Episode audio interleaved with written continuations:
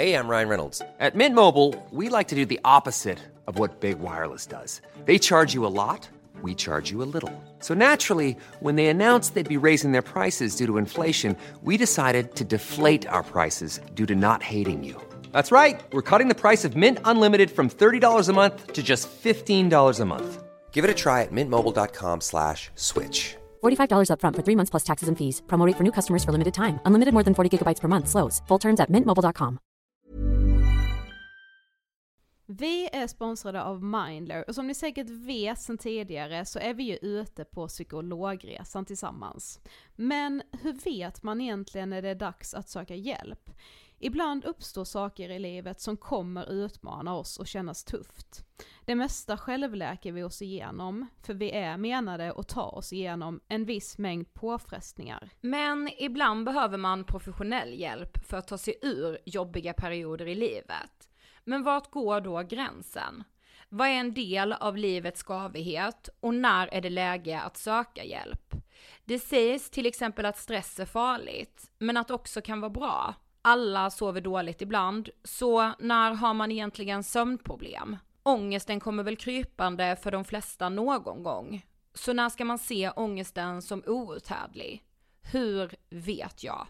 Med oss som psykolog har vi såklart min gamla psykolog Linnea Seidbrant. Okej, Linnea, hur mycket ångest är en del av livet och när ska man liksom söka hjälp för den?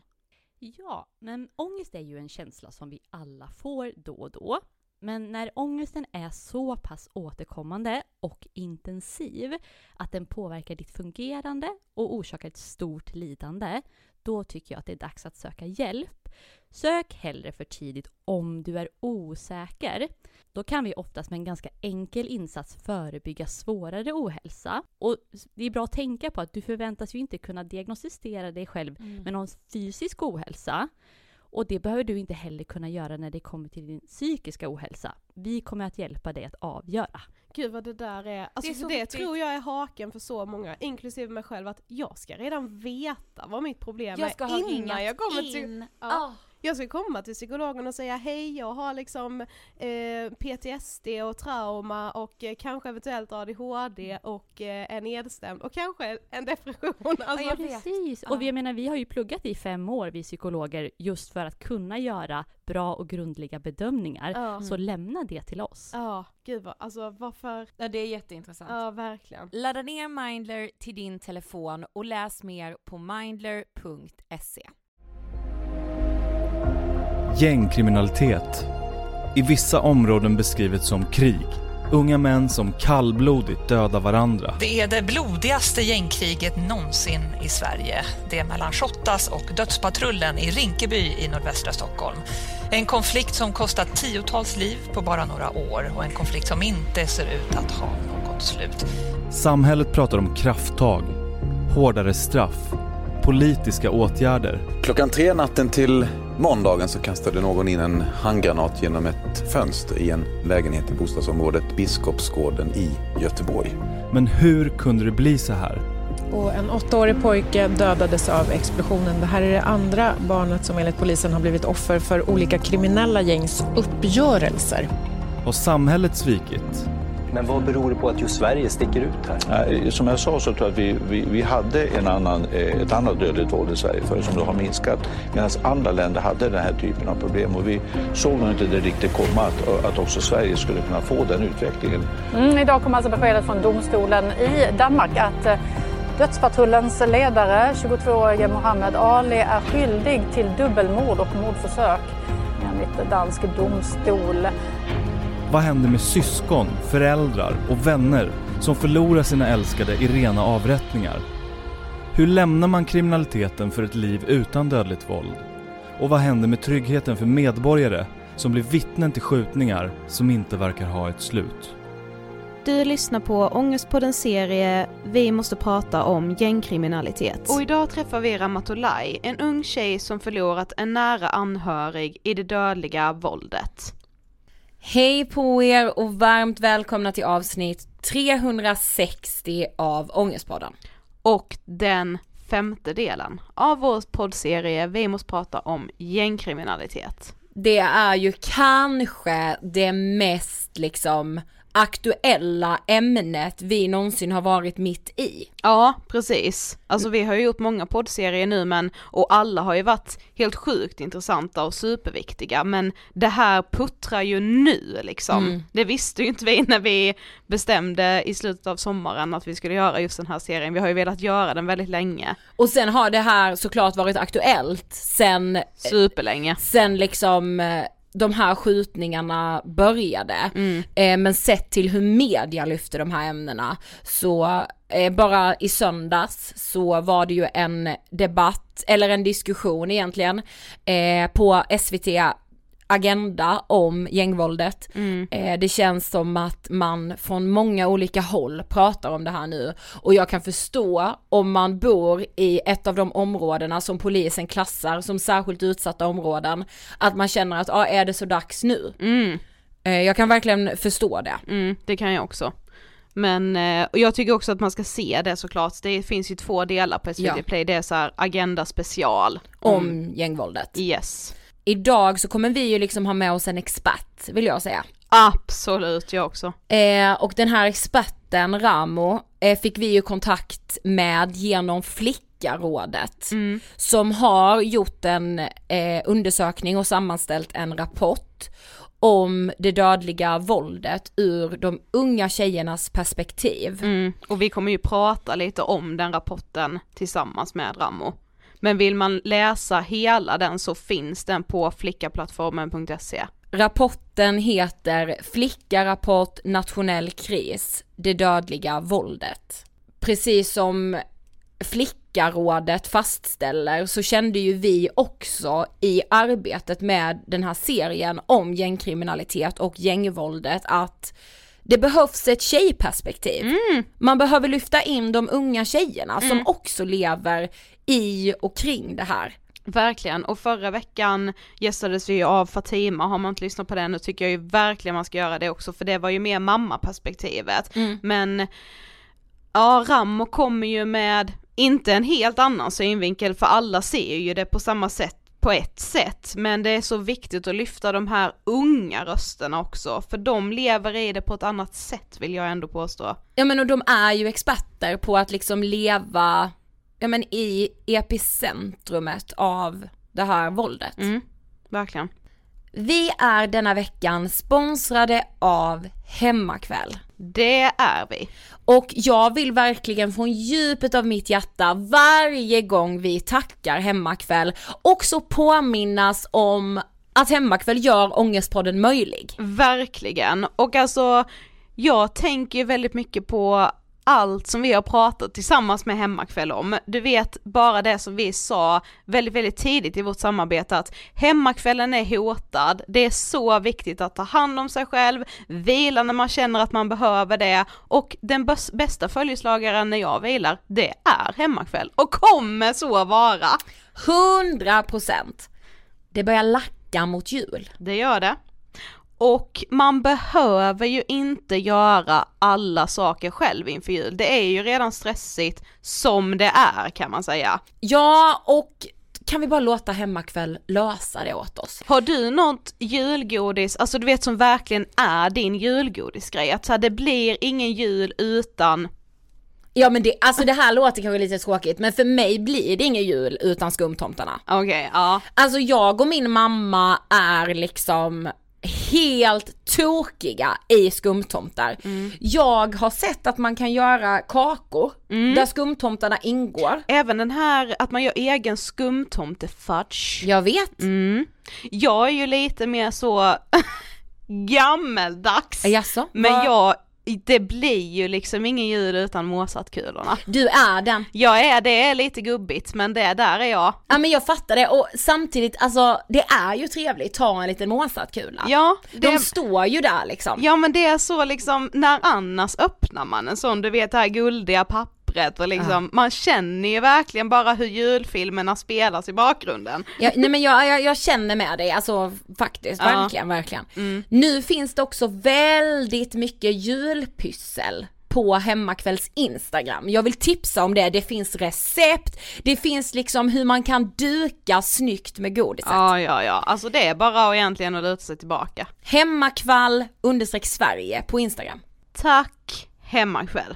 Vi är denna vecka sponsrade av Mendly, appen som gör det möjligt att gå i chattterapi direkt i telefonen. Ja, och du har ju gått i chattterapi hos Mendly. Det har jag. Jag tänker att man kanske undrar, men vad då? alltså vad består den här chattterapin av? Ja men alltså det är ju KBT som man går i, i chattterapin. Och det är ju väldigt enkelt också att komma igång. Om du som lyssnar känner såhär, jag vill komma igång idag, då är det möjligt. Ja men KBT har jag ju sagt många gånger att jag är, jag är ett så stort fan.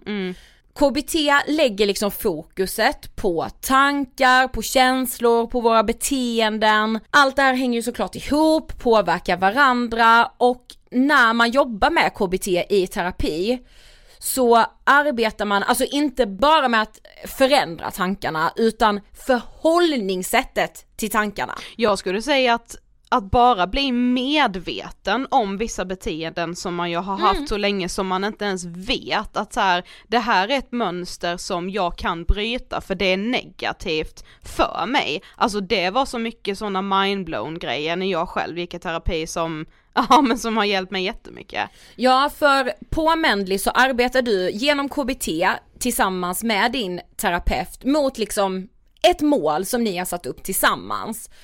Och jag tycker liksom att KBT ger så mycket insikt för en själv i liksom vad är mina problem, varför kvarstår de i mitt liv, hur ska jag bete mig och tänka kring det här.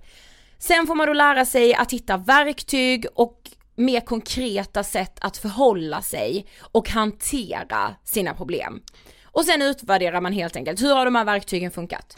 Och när du väl har en chatt igång så skriver du så ofta du vill i den. Du får svar 3-5 gånger i veckan och det är alltså ingen väntetid så du kan komma igång redan idag. Du laddar ner Mendley via App Store eller Google Play. Tack Mendley.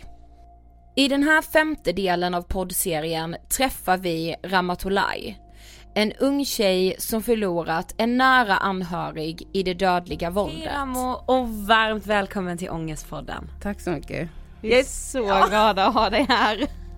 Jag är så glad att vara här. Jag känner mig lite Star Trek, lite viktig typ. Ja. Men du, Du är är, viktig. jävligt viktig. Men för de som inte vet, vem är du? Jag är 21 år eh, och jag är poet. Eller nu kanske man vill säga att jag är författare.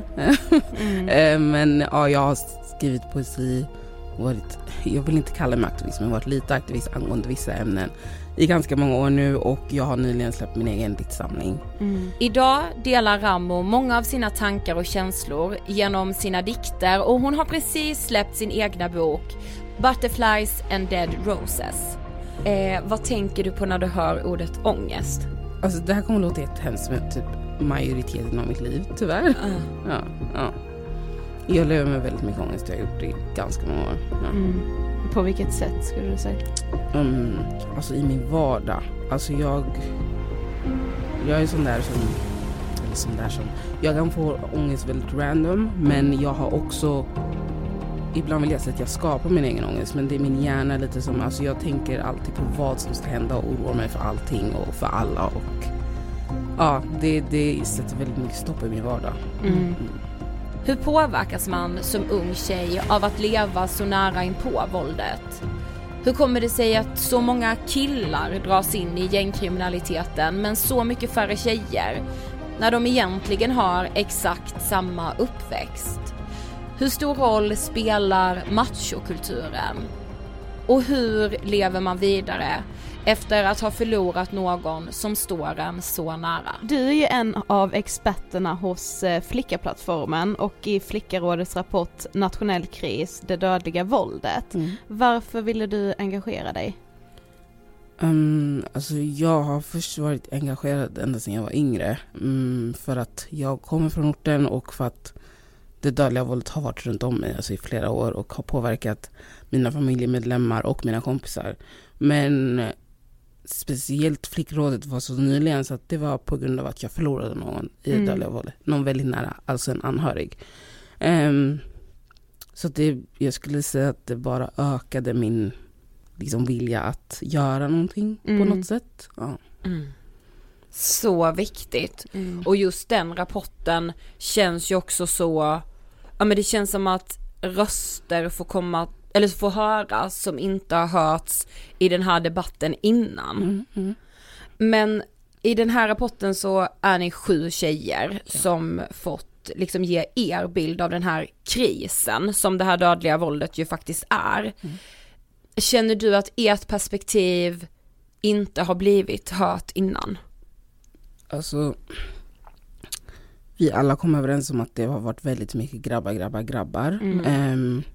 Och medan det är flickvänner och systrar och mammor som skakas om och är liksom, jag skulle säga är det en stor del av hela det här för att alltså på något sätt så lämnas man med sorgen men också så här, oron Mm. innan. Jag säger inte att andra grabbar inte har oron för sina vänner eller sina bröder eller så. Jag menar bara att alltså kvinnorna i det här har en väldigt stor roll och det har inte, det är inte någonting som tar plats. Liksom. Ehm, man har inte hört, kanske inte lyssnat. Ehm, så därför var- det väl viktigt att flickor och kvinnor fick prata nu ehm, om sin sorg på något sätt. Mm, verkligen. Men om vi tar det lite från början. Du är uppväxt i Västerort i Ja. Stockholm. Mm. Eh, hur ser du tillbaka på din uppväxt? Alltså, jag är ju ett maskrosbarn, det pratar jag om i min bok. Men förutom det så, min uppväxt rent så här, att när det gäller gå ut och typ vara med kompisar så var den väldigt alltså, bra på så sätt. Liksom jag, jag hade inte en sån oro att vara utomhus när jag växte upp. Alltså det har ju blivit mycket mer hektiskt nu. Eh, så att jag ser på Västerut som en väldigt Alltså det var glädje för mig, typ så. Eh, Och sen är det, tycker jag det är väldigt jobbigt och sorgligt hur det är nu. För jag Mm. kan själv känna att det är jobbigt att vara på vissa platser eller vara ute en viss tid. Inte bara för att jag är kvinna då, utan för sådana här grejer. Tyvärr. Mm. Så man känner ändå liksom när man är uppväxt i de här miljöerna att det har verkligen trappats upp nu mycket på senare år. Absolut, absolut. Ja. Ja. Mm.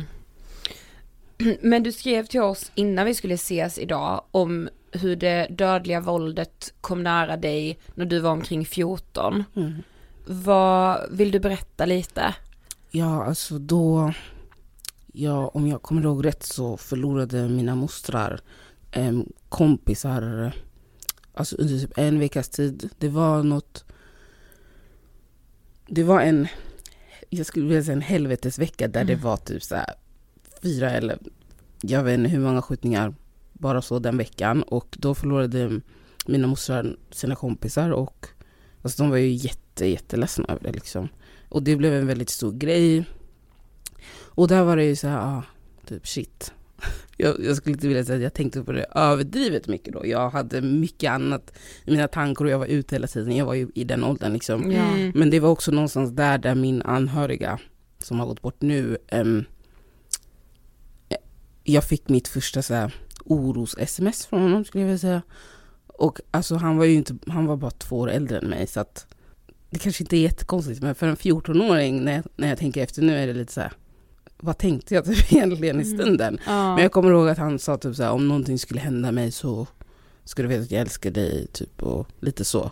Och jag typ screenshotade meddelandet, svarade och sen tänkte jag inte så mycket mer. Eller jag tänkte på det men inte så mycket som jag skulle tänkt på det idag. Mm. Ehm, så att där någonstans började också min ångest kring allt det här och min oro typ över att förlora någon själv. Mm. Ehm, ja. Men kan du minnas att du liksom, hade du förstått att han liksom rörde sig i miljöer som skulle kunna vara farliga för honom eller liksom att han, han ändå utsatt sig själv för, för fara? Jag vill säga ja och nej. Mm. Ehm, alltså jag skulle säga att det är väldigt lätt att...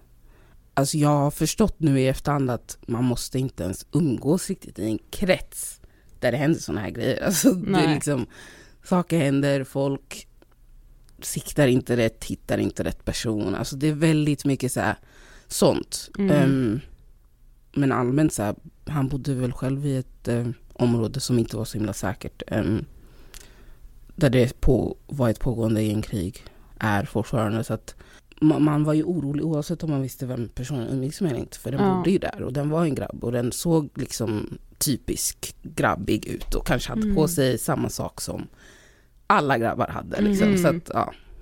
Mm. Men om, nu när du ser tillbaka på de här åren, alltså från att du var 14 fram till idag, hur har liksom det här påverkat dig? Alltså rejält. Ja. Ehm, alltså när jag, jag säger alltid det att jag typ sörjer inte eller vad ska man säga, läker inte bara de senaste två åren ish, som han har varit borta utan all, all tid och all liksom, vad ska man säga, det har varit en sån tyngd på mina axlar att vara orolig hela tiden. Mm. Um, alltså en sån ångest att bära på och vara orolig och kolla Aftonbladet och se till att det inte är den eller den personen. Liksom, så att det har påverkat mig mycket mer än vad jag själv har förstått. Ja. Ehm, Mm. alltså min vardag och min hälsa allmänt. Alltså det är riktigt rejält. Ja. Mm.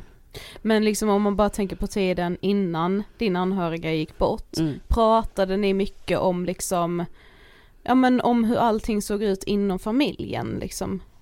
Pratade ni om den här allmänna oron som alla kände liksom? Alltså grejen var att, nej det skulle jag inte säga. Alltså först och främst så bor, bor jag ju inte i samma stad som den delen av familjen heller.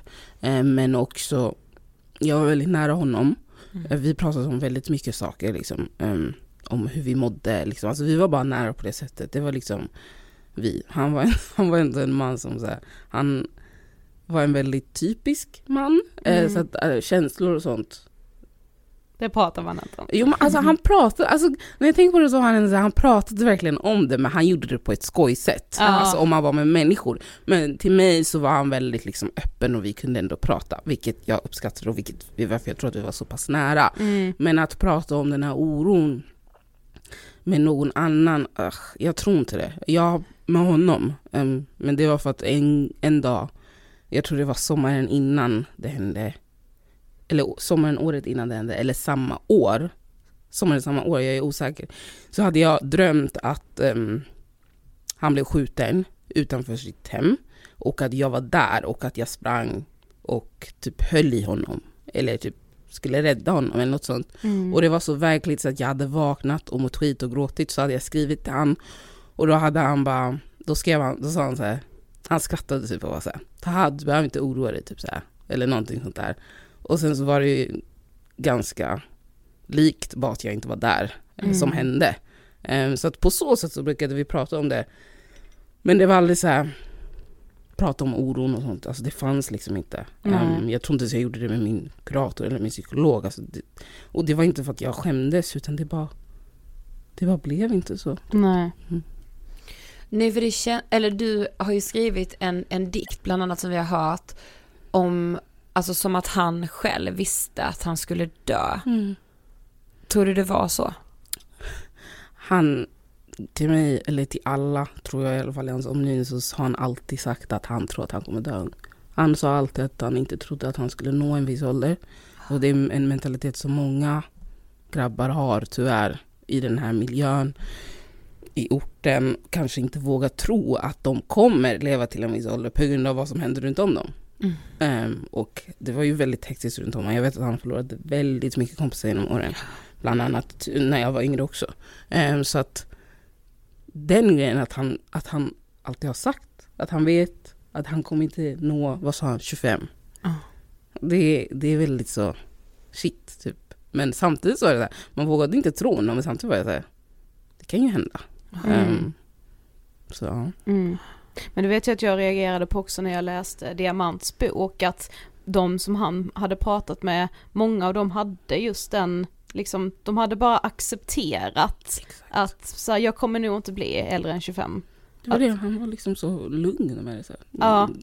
Typ så, jag lever mitt liv för att jag tror inte att jag kommer nå en viss ålder. Mm. Det är jättesorgligt när man tänker på det. Ja, Det är så här- otroligt sorgligt. Men när vi läste den här eh, rapporten då som du är expert i, eh, så var det väldigt många frågor där som vi tyckte var extremt intressanta. Men bland annat så fick ni eh, sju tjejer som är med i rapporten diskutera begreppet orten. Eh, och det är ju ett ord som man, eller alltså så här, hur ni förhåller er till det, för det är ju ofta, alltså när man pratar om det dödliga våldet och så i politiken eller i samhället i stort så refererar man ofta bara till ordet otten Mm. liksom. Men vad, vad är otten för dig?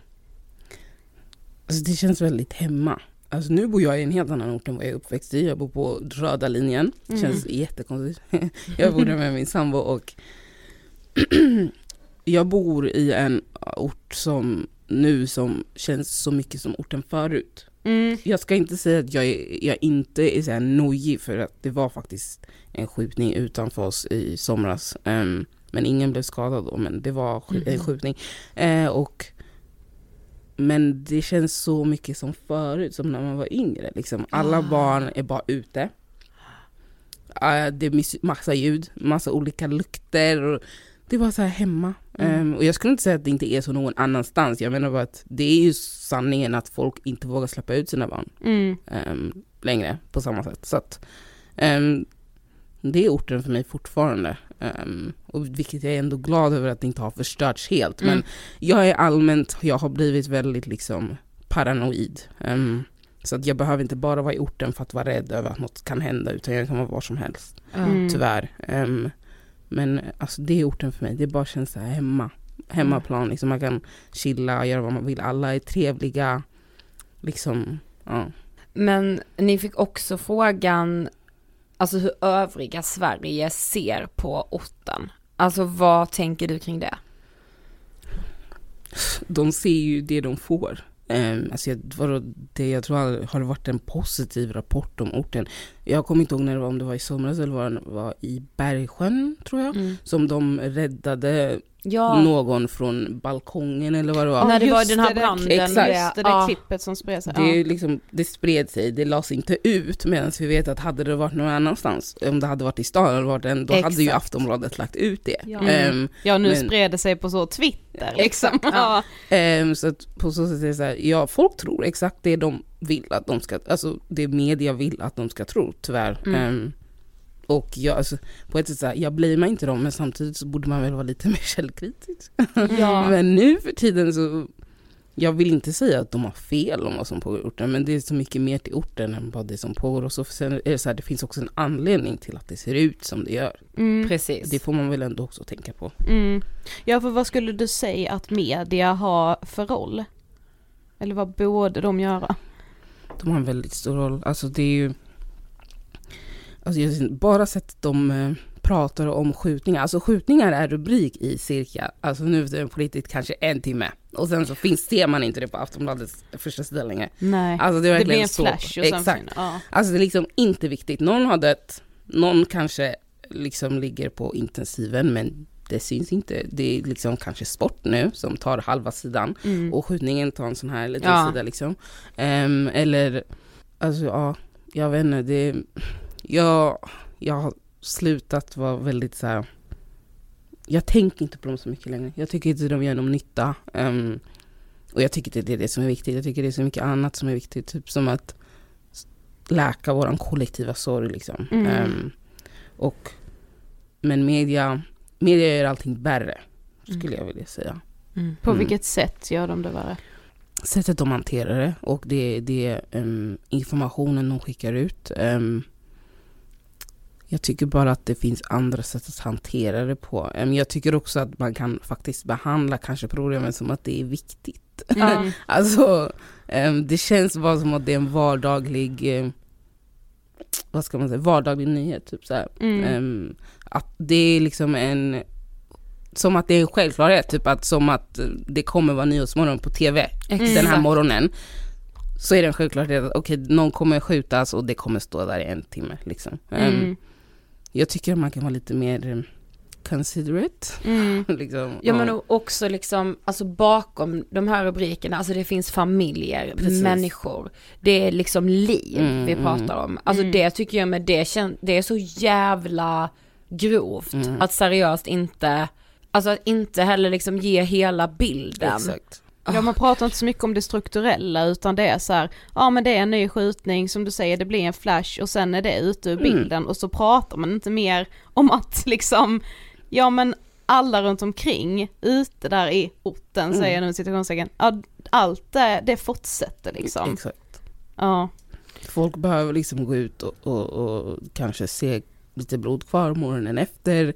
Liksom det skjuts i portar, folk dör i portar. Alltså Exakt. folk bor där. Mm, alltså, liksom, ja. Det är barn som bor där. Alltså, det, alltså, även om man bor där och inte ens har någonting med det här att göra, man påverkas ju. Ja, Alltså, det, Det är det, hela är väldigt viktigt. ansvar. Exakt, Mm. det är det som är så viktigt att förstå. Och det verkar som att folk bara tror att ah, men de är kriminella och, och, och det är bara de som påverkas, de borde typ dö. Det spelar ingen roll, de kan liksom självplanera.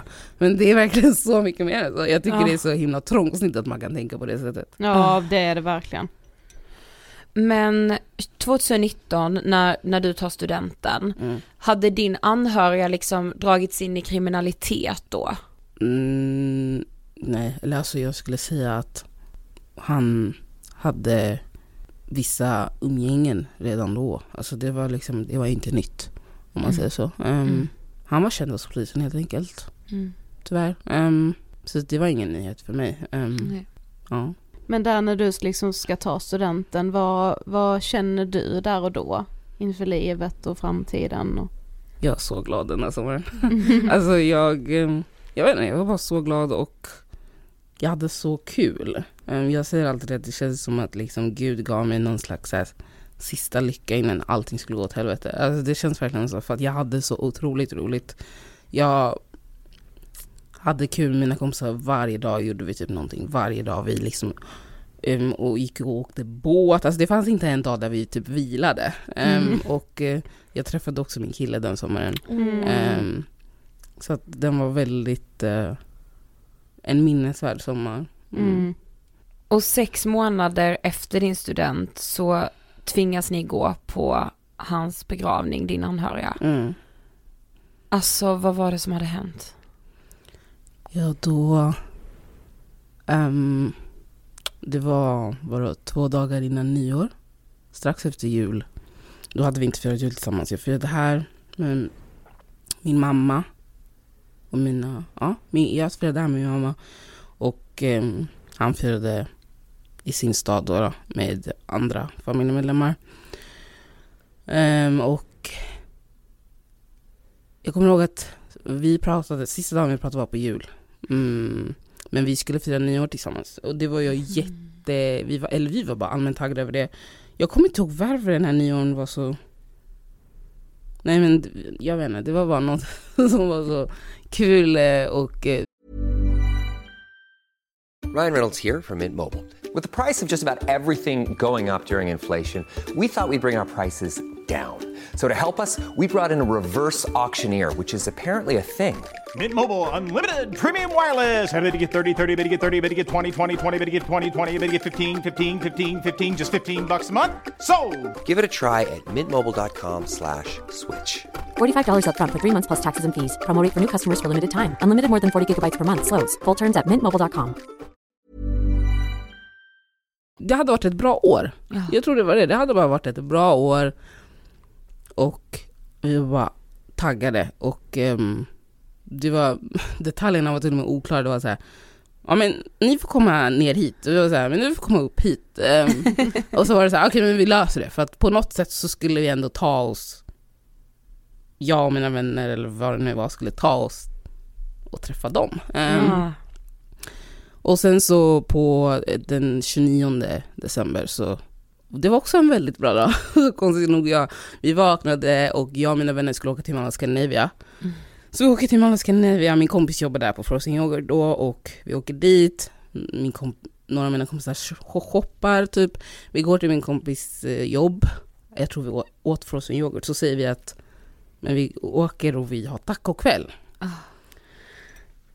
Och så sätter vi oss i bilen, men min kompis jobbar fortfarande, hon ska komma sen. Eh, och det här är mina bästa kompisar, alltså vi har växt upp tillsammans.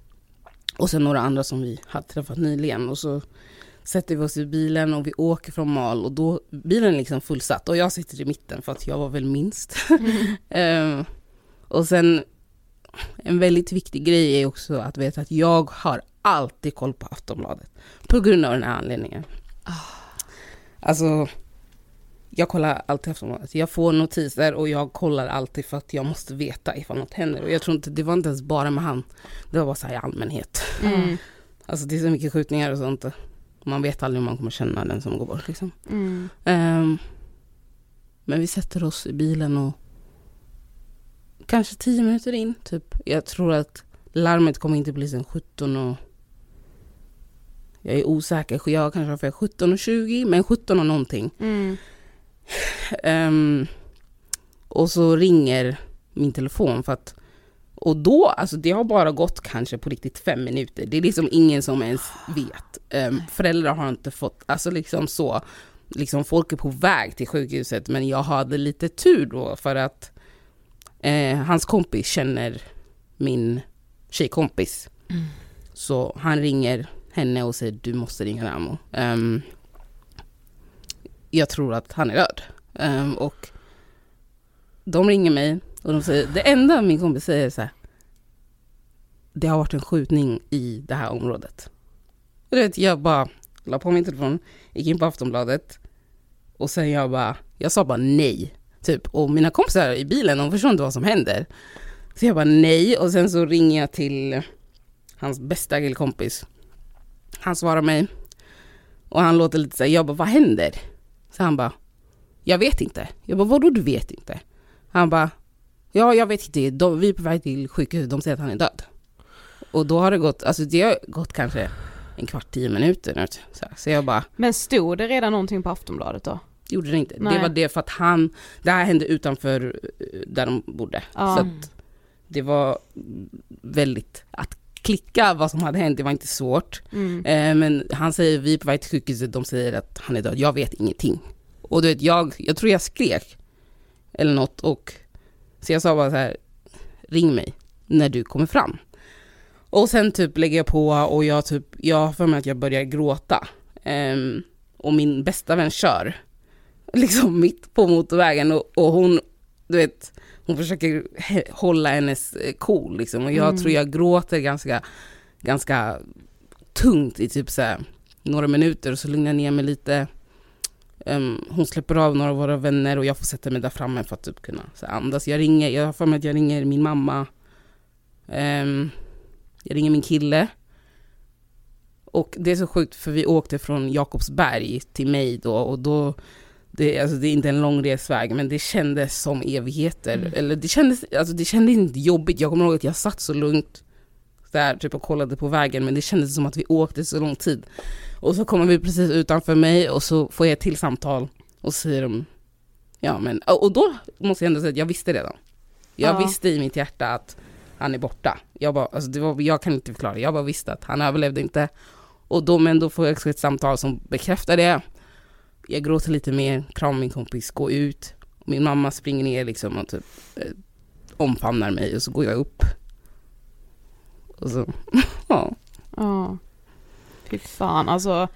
Det går ju såklart inte föreställa sig hur, hur det här har påverkat dig, men liksom på vilket sätt påverkade det dig där och då och hur skulle du säga att det har påverkat dig nu så här några år senare liksom?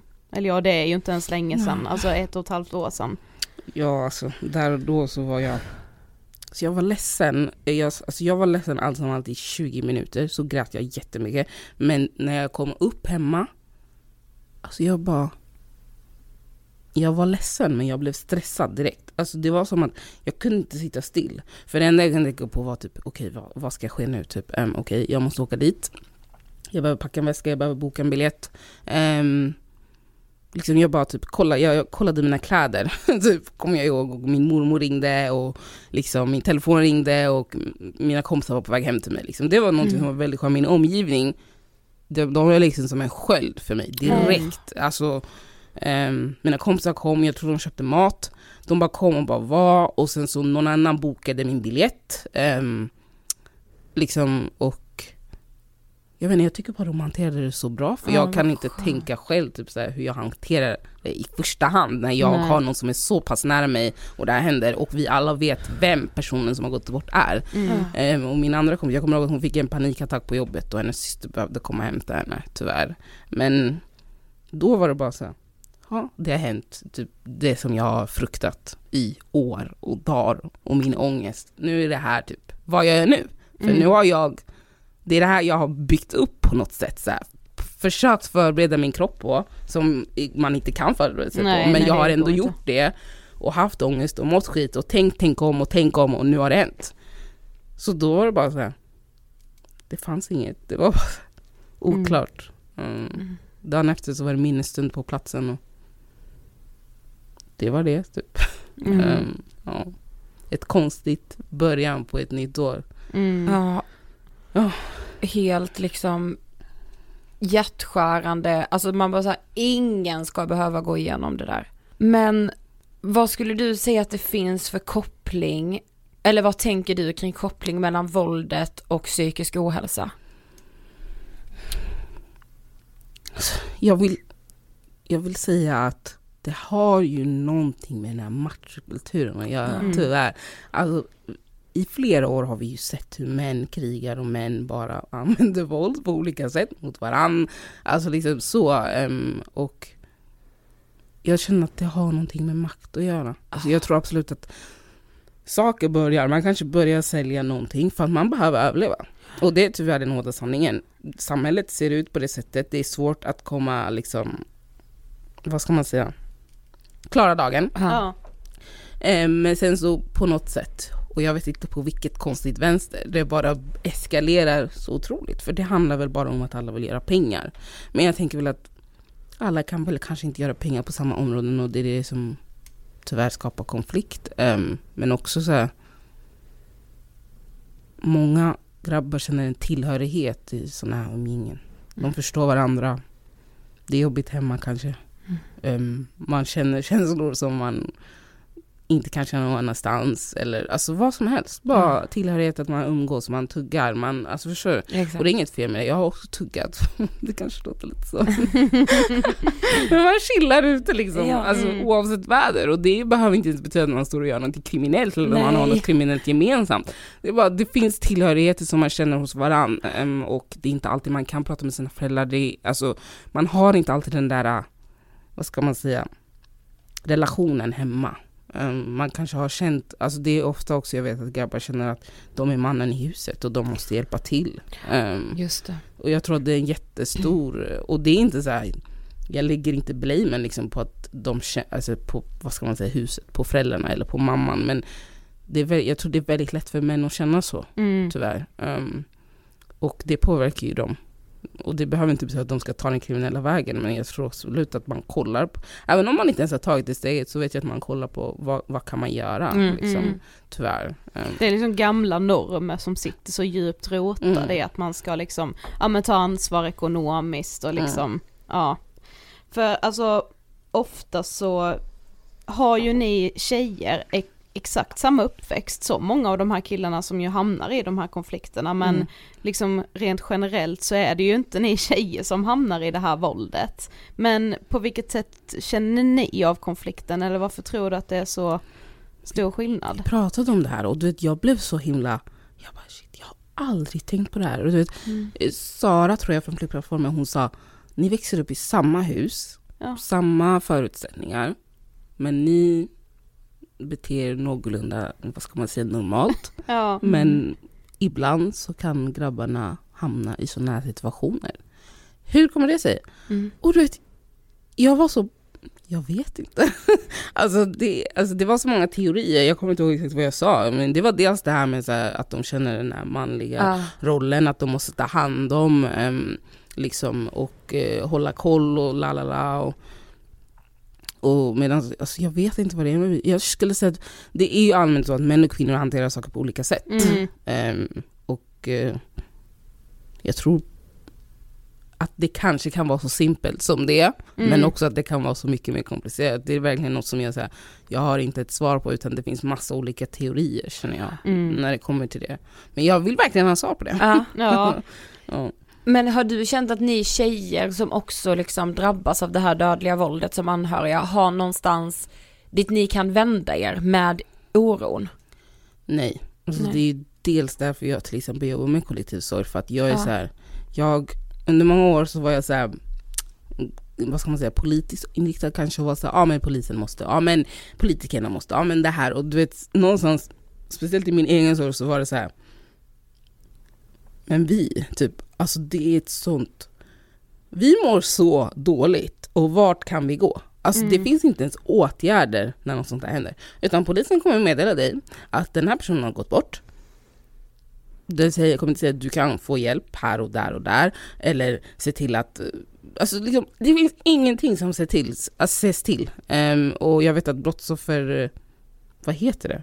Jouren. Att de har sagt att eh, liksom, men vi har folk typ och eh, liksom människor man kan prata med och vända sig till och det är så här, men okej men hur vet vi det? För vi, alltså det var också en eh, chockgrej som jag fick reda på för typ två veckor sedan när vi hade något möte med kollektivsorg att- och då var det så här, men hur vet de här människorna som går igenom det här, det, vad, hur kontaktar ni dem? Skickar ni eh, broschyrer när Ja. sånt här händer? Mm. Är ni på plats på minnesstunder eller som- som fältare? För att nu är vi fältare åt våra människor när vi inte ens är professionella. Utan Mm. vi, förstår du vad jag menar? Mm. Vi hjälper varandra när vi redan är i sorgen. Det är ju ingen, liksom- förstår du? Ja. Så att ehm, det finns ingen hjälp och det är någonting som är ett stort problem och det är därför jag jobbar med det jag gör. För att, eh, och vi faktiskt håller på att se till så att det finns en samtalsgrupp Ja. i vad vi håller på med. Men det behövs ju också så mycket mer. Men vi samarbetar med massa, till exempel Rädda Barnen och sådär. Så att det kommer ju bli bra. Men jag tycker det är så synd att vi Ja, det är ska helt- ta tag i det. Nej, det är så Ni som har varit mitt i det Mm. ska väl få uppbackning ifrån Exakt. ja men alla oss andra Mm. liksom. Ja men alla myndigheter, alltså hela samhället. Ja, Mm. alltså det är sånt jävla svek. Och det är så sjukt för det är så många som har berättat att ja, men de går till en psykolog och så blir psykologen till sig över traumat som de berättar. Och det är så sjukt för mig för så här, hur kan det bli till dig? Ja. Av, alltså förstår du? Det, det, det är så som menar att de inte... reagerar så här, åh Ja. gud vad jobbigt Alltså att liksom. de typ, någon gång så hade väl någon psykolog typ börjat gråta. Ehm, och det blir ju så himla... jag Ja, kom hit för att du rätt. ska hjälpa mig. Ja, men nu är du helt paff av vad jag har gått igenom. Och då känner jag så här, okej men är våra psykologer utbildade för att klara av den här slags trauma? Exakt. Nej, För att det är så här, Det verkar inte så då kanske. Exakt, det finns ingen som förstår, eller vad man ska säga. Liksom. Mm. Ehm, och eh, det blir ju ett problem i sig. Verkligen. Men, Ehm, men hur har du hanterat din, så har du pratat med någon professionell? Du nämnde liksom kurator och psykolog, men var det tidigare? Men jag, jag hade en eh, psykolog från tidigare år i mitt liv som jag har gått till i flera år. Så att ehm, jag vände mig dit. Men också typ, jag hanterade mig så mycket själv. Inte själv, men jag pratade mycket med min omgivning. Mm. Skrev. ehm, typ så. Men sen så kan vissa säga att de tycker att jag, att jag inte har hanterat det än. Men eh, så det är oklart. Liksom. Jag, jag tycker sorg är en väldigt så här,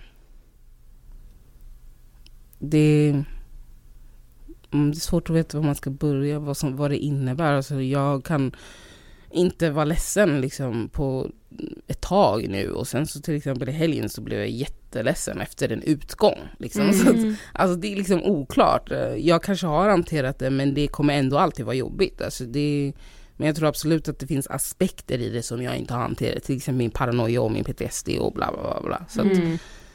hantera och hantera. Jag har nu på senare tid insett att jag behöver riktigt professionell hjälp med att hantera till exempel min PTSD Mm. eh, och sånt. Så att, ehm, men att acceptera att han är borta och det här har hänt och det, det är liksom okej för mig nu. Mm. Det är så. Ehm, och det känns okej. Alltså det är inte okej men det känns okej. Jag säger Mm. okej, jag kan gå vidare i mitt liv, jag måste. Mm. Först var det så här, jag måste. Nu är det så här, jag kan. Det, det är lugnt liksom. Mm. Men vad tänker du liksom rent konkret att ni anhöriga skulle behöva? Alltså vad tycker du att samhället i stort kan göra? Så jag tänker väl att det måste finnas något traumacenter, Ja. typ så. Men också så här, åtgärder som sätts in direkt när sånt där händer. I området, hos det som har, det anhöriga. Ehm, och liksom, jag har för mig, eller jag har fått veta av en kompis att i England, Mm. så om man har varit med om något slags brott, då får du en broschyr ehm, som du skickar hem till dig typ flera veckor. Eh, så även om du inte reagerar på den så skickas den i flera veckor hem till dig för att Ah. ifall att du Ja, vill, förstår du vad jag menar? En Bara en sån grej, hela tiden, exakt, liksom. en sån grej att du vet att du kan ta den här och den här hjälpen Exakt. när du är redo att göra det. Mm. Liksom, jag säger inte att de måste komma och knacka på varje dag, det är inte det jag säger, men bara visa till exempel att Brottsofferfonden är ute där och liksom bara är, kanske syns till på minnesstunden och berättar för de som mår dåligt att behöver ni någonting, liksom, Mm. kom till oss, vi, ni kan prata, ni kan göra det här och det här och det här. Em, och, och till exempel en form av broschyr som, em, för att vadå, alltså, ja, man ser bara en massa poliser typ. Och visst, för vissa kan det kännas eh, tröstande, typ, kanske ingenting kommer hända nu på kanske några dagar, men det behövs mer. Ja. Mm. Mycket mer. Mm. Em, Men det pratas ju mycket, du har ju själv nämnt den här, om den här liksom kollektiva sorgen. Hur känner man av den? Jag skulle säga dels på demonstrationen, alltså det var, Mm. det var jag skulle säga att det var så tungt i luften. Ehm, men också, alltså det är väldigt, jag skulle säga att vissa pratar om det och sen finns det en del som bara, man pratar inte. Man bara typ är. Typ, eh, alltså det Alltså jag tror bara att man märker att folk är traumatiserade Mm. och att det är så normaliserat. Alltså Ja. att man inte blir förvånad och det kan jag till och med själv säga så här. Mm. Det är en skjutning, jag blir inte förvånad. Jag blir mer såhär, okej nu får vi se vem det här är. Känner jag Ah, liksom. Eh, Det är inte så här, oh my, nej. Nej. Det bara är ett tecken på att det här är så... För, alltså, Ja det har gått så sjukt långt, man kan inte riktigt ta in hur pass normaliserat Nej, det är. alltså- Jag tror att här, förhoppningsvis kommer vi titta på det här i backspegeln och liksom bli förfärade över på vilken nivå den här Mhm. normaliseringen låg på. Mhm. Alltså i, i hela samhället, Mm. alltså ja. Ja men och att samhället bara stod vid sidan om. Ja, och så här, trodde inte det skulle hända typ. Alltså, Ja. Verkligen. Ja.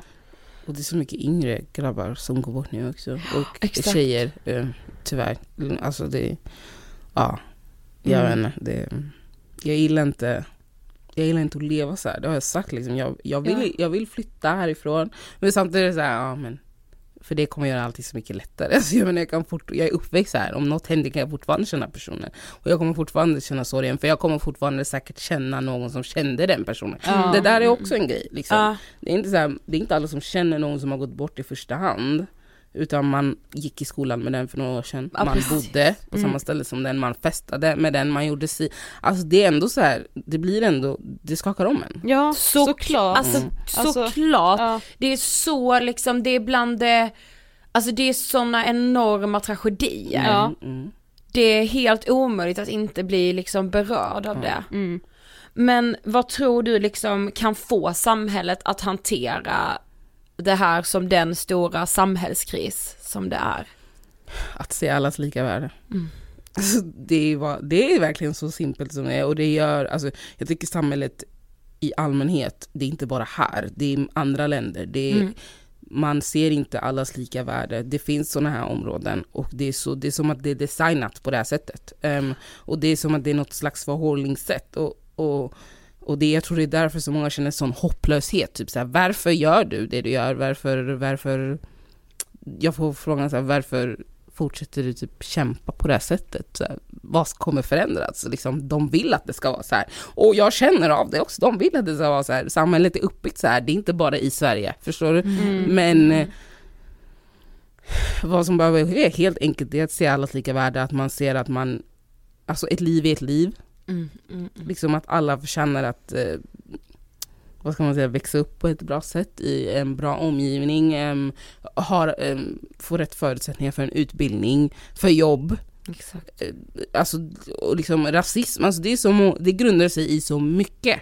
Mm. Eh, och det här är samhällsproblem och det är så här, när kommer det lösas? Kommer jag leva? Liksom, kommer jag ha blivit gammal och dött när, när de grejerna löser sig? Det är, det är svårt att tro och jag tror det är därför lite jag har hoppat på något sätt från den biten och fokuserar mig på att läka våran sorg, alltså att fixa så att folk har någonstans att gå. Mm. För att jag blir galen på något sätt när jag ska liksom sätta mig i det här att lösa problemet. Jag känner inte att jag har orken för att göra det längre. Jag gjorde, jag försökte aktiv, liksom vara aktiv på det sättet och jag kan inte för att jag blir så, det blir så jobbigt. Mm. Ja. det blir så jobbigt och det tar så mycket på en. Det här tar obviously också jättemycket på mig men det känns som att man gör något framsteg ändå. Ehm, om någonting så ser vi till att det finns åtgärder när saker händer. Mm. Ehm, och det är väl att göra någonting bättre liksom. Ja, det gör ju hur mycket som helst såklart. Men det här kanske är en jättestor och svår fråga för dig att svara på, men vad, vad tror du skulle kunna förebygga våldet? Jag tror alltså, dels så här, vart kommer vapnen ifrån? Um, vart kommer drogerna ifrån? Mm. Eh, bättre förutsättningar för att folk ska kunna välja att inte vända sig till det kriminella kanske. Ja, för att folk, alltså. det är viktigt att förstå att de som har tagit sig in här, hälften vill inte vara här längre. Nej, det där precis. också, avhopparprogrammen till exempel, behöver mer resurser till exempel för att om en grabb hör av sig dit och de inte kan hjälpa honom direkt, vad är det som, alltså förstår vad är det som tro, får du tro att om 48 timmar så kommer han inte Nej, ha ångrat nej, sig? nej, nej. Det Det, är tillräckligt jobbigt. spelrummet är så otroligt litet Ja. när någon vill hoppa av. Alltså, Och, och, och hälften av dem också har ju inte gett sig, alltså det kanske handlade om en påse weed någon gång och sen har eskalerat, alltså det är ju, jag tror inte det är någon som, okej nu så är det ju tyvärr så att det är många ungar som, jag känner jättemånga som jobbar med ungar i förorten nu och de är så här, deras liv, eller deras idéer är ju att de ska bli ja. vad de ser. Mm. Och det här är bara det där är bara så här. nu får ni liksom göra någonting för att de ungarna tänker att de ska bli så och de ska leva så och pengar och cash och, och ja, ja, de ska också dö unga. De har någon idé om att de kommer dö unga för att det är så det ser ut. Det är den verkligheten de har och det är så det händer runt om dem. Exakt. Då är det någonting som är fel. Ja, verkligen. Men ehm, ja, alltså bland annat, vart kommer drogerna ifrån? Vart kommer vapnen ifrån? Stå, kolla, håll koll på vad är det, tullarna, måste jag väl säga någonstans. Och, och sen också bättre förutsättningar bara och avhopparprogrammet måste, det, jag såg en artikel tror jag, igår eller förrgår. Det är många som har anmält sig. Jag såg också Ja, det att det mm. hade ökat, Mm. att det är många fler som söker sig till avhopparverksamheterna. Det säger ju också att folk verkligen vill lämna. Exakt. Ja, precis. Men precis som du är inne på, alltså det rummet är, alltså man måste ju ta tag i det direkt. Ja. Alltså, ah, alltså gud och jag tänker med, alltså det måste erbjudas någonting annat. Alltså Mm. det är inte normalt att barn tänker att de ska dö ung. Alltså Nej. man bara så fattar samhället vilken fucking tragedi det är, jag får panik. Det är Alltså- en hel generation som kan liksom, ja men så här, gå till spillo låter ju helt sjukt att säga men liksom en, en generation som, ja men Men vars liv liksom slås samman Ja. och då tänk alla som står vid sidan om. Exakt. Familjer, anhöriga, vänner. Mm. Det, det drabbar så många människor. Mm. Men jag tänker också att det är viktigt att prata om liksom machokultur ännu mer än vad vi redan har gjort idag. För att jag tror mest, precis som du säger, att det spelar in jättemycket Ja. också. Men känner du att de här områdena runt om i Sverige som liksom, där det sker många skjutningar och där det här dödliga våldet utspelar sig, att de har blivit svikna av samhället? Ja, Mm. alltså. Ja, de stänger ner fritidsgård efter fritidsgård liksom, till exempel. Vart ska man umgås då? Ja, exakt. Vadå, vart ska de förhålla sig till? Alltså vad ska de göra? Vad, alltså, nej, alltså bara, bara sådana där grejer liksom. ehm, Då blir ju den enda gemenskapen de kriminella miljöerna. Ja. Till exempel. Mm. Eh, och, och till exempel ortens bästa poet kunde inte fungera längre, liksom på grund av att de bara jag kommer inte ens ihåg exakt vad som hände, om det var poliser eller om det var väktare som bara rasprofilerade folk och var jobbiga och, och liksom störde folk på plats och liksom, alltså förstår du, man får inte ha, man får inte ha något bra. Vi får inte ha något bra. Och så, och så är det konstigt när vi gör någonting dåligt för att, vad ska vi göra? Mm. Alltså det är liksom Ah, jag vet inte. Jag försöker heller inte rättfärdiga vad som pågår Nej, och att nej. folk dödar varandra. Utan men det är också bara så här. Vad får vi? Vad kan vara? Alltså förstår du? Det är inte Mm. så konstigt att folk känner att det inte finns någon annan utväg. Det är väldigt viktigt att förstå att folk inte vaknar upp och, och känner att de ska um, skjuta ihjäl varandra. Ehm, eller eh, som de säger att folk kom, i, folk kom till Sverige för att starta krig här. Och det är absolut inte så. Absolut inte. Jag tror inte det finns en enda människa som kom hit för det här. Nej. Nej. Jag tror folk, folk kom hit, jag vet att folk kom hit för ett bättre liv. Och tyvärr så av många an, andra anledningar än den här, det här våldet så har det inte blivit så. Okej, tack så jättemycket Ramo för att du Nej, bara alltså- kom hit. Vi har en sista fråga Ja, ja. som vi alltid ställer till alla gäster. Men vad inspirerar dig? Jag vill bara säga att du är så inspirerande så jag vet liksom Jag är inte. helt tagen, Ja. Men vad inspirerar dig? Jag ser alltid att min omgivning inspirerar mig eh, på olika sätt. Eh, jag skulle säga kanske i första hand min mamma och sen också min anhöriga som har gått bort. Eh, hans mamma. Mm, ja. Ja. jag, har inte, jag har inte så, så här specifikt svar men min omgivning är en väldigt stor del av min inspiration när jag skriver, alltså i allting jag gör. Mm. Och de inspirerar mig och får mig också att tro på mig själv när jag inte gör det. Ehm, Du ska få berätta vad din bok heter också. Ja. Och var man hittar den. Min bok heter Butterflies and Dead Roses. Man hittar den på Adlibris, Bokus, ehm, Amazon, bod.se. Kanske jag missat något. Eh, CDON också. Eh, och några andra hemsidor som jag tyvärr inte kom på. Ja, Men, jag eh, säger bara löp och köp. Ja. Vi länkar den också på vår Instagram. Ja, givetvis. ja, ja. Tack så jättemycket för Tack att du ville gästa. Tack, tack, tack. Och tack för att du har lyssnat. Vi vill gärna höra dina tankar. Skriv ett meddelande till oss på Instagram, där heter vi Angespodden. Och nu ska vi avsluta hela det här avsnittet med en av Ramos fantastiska dikter ur hennes diktsamling Butterflies and Dead Roses. Det vi inte visste. Klockan är runt fyra. Det är början av juni. Det luktar gräs och pollen. Jag har på mig min studentmössa och min vita klänning.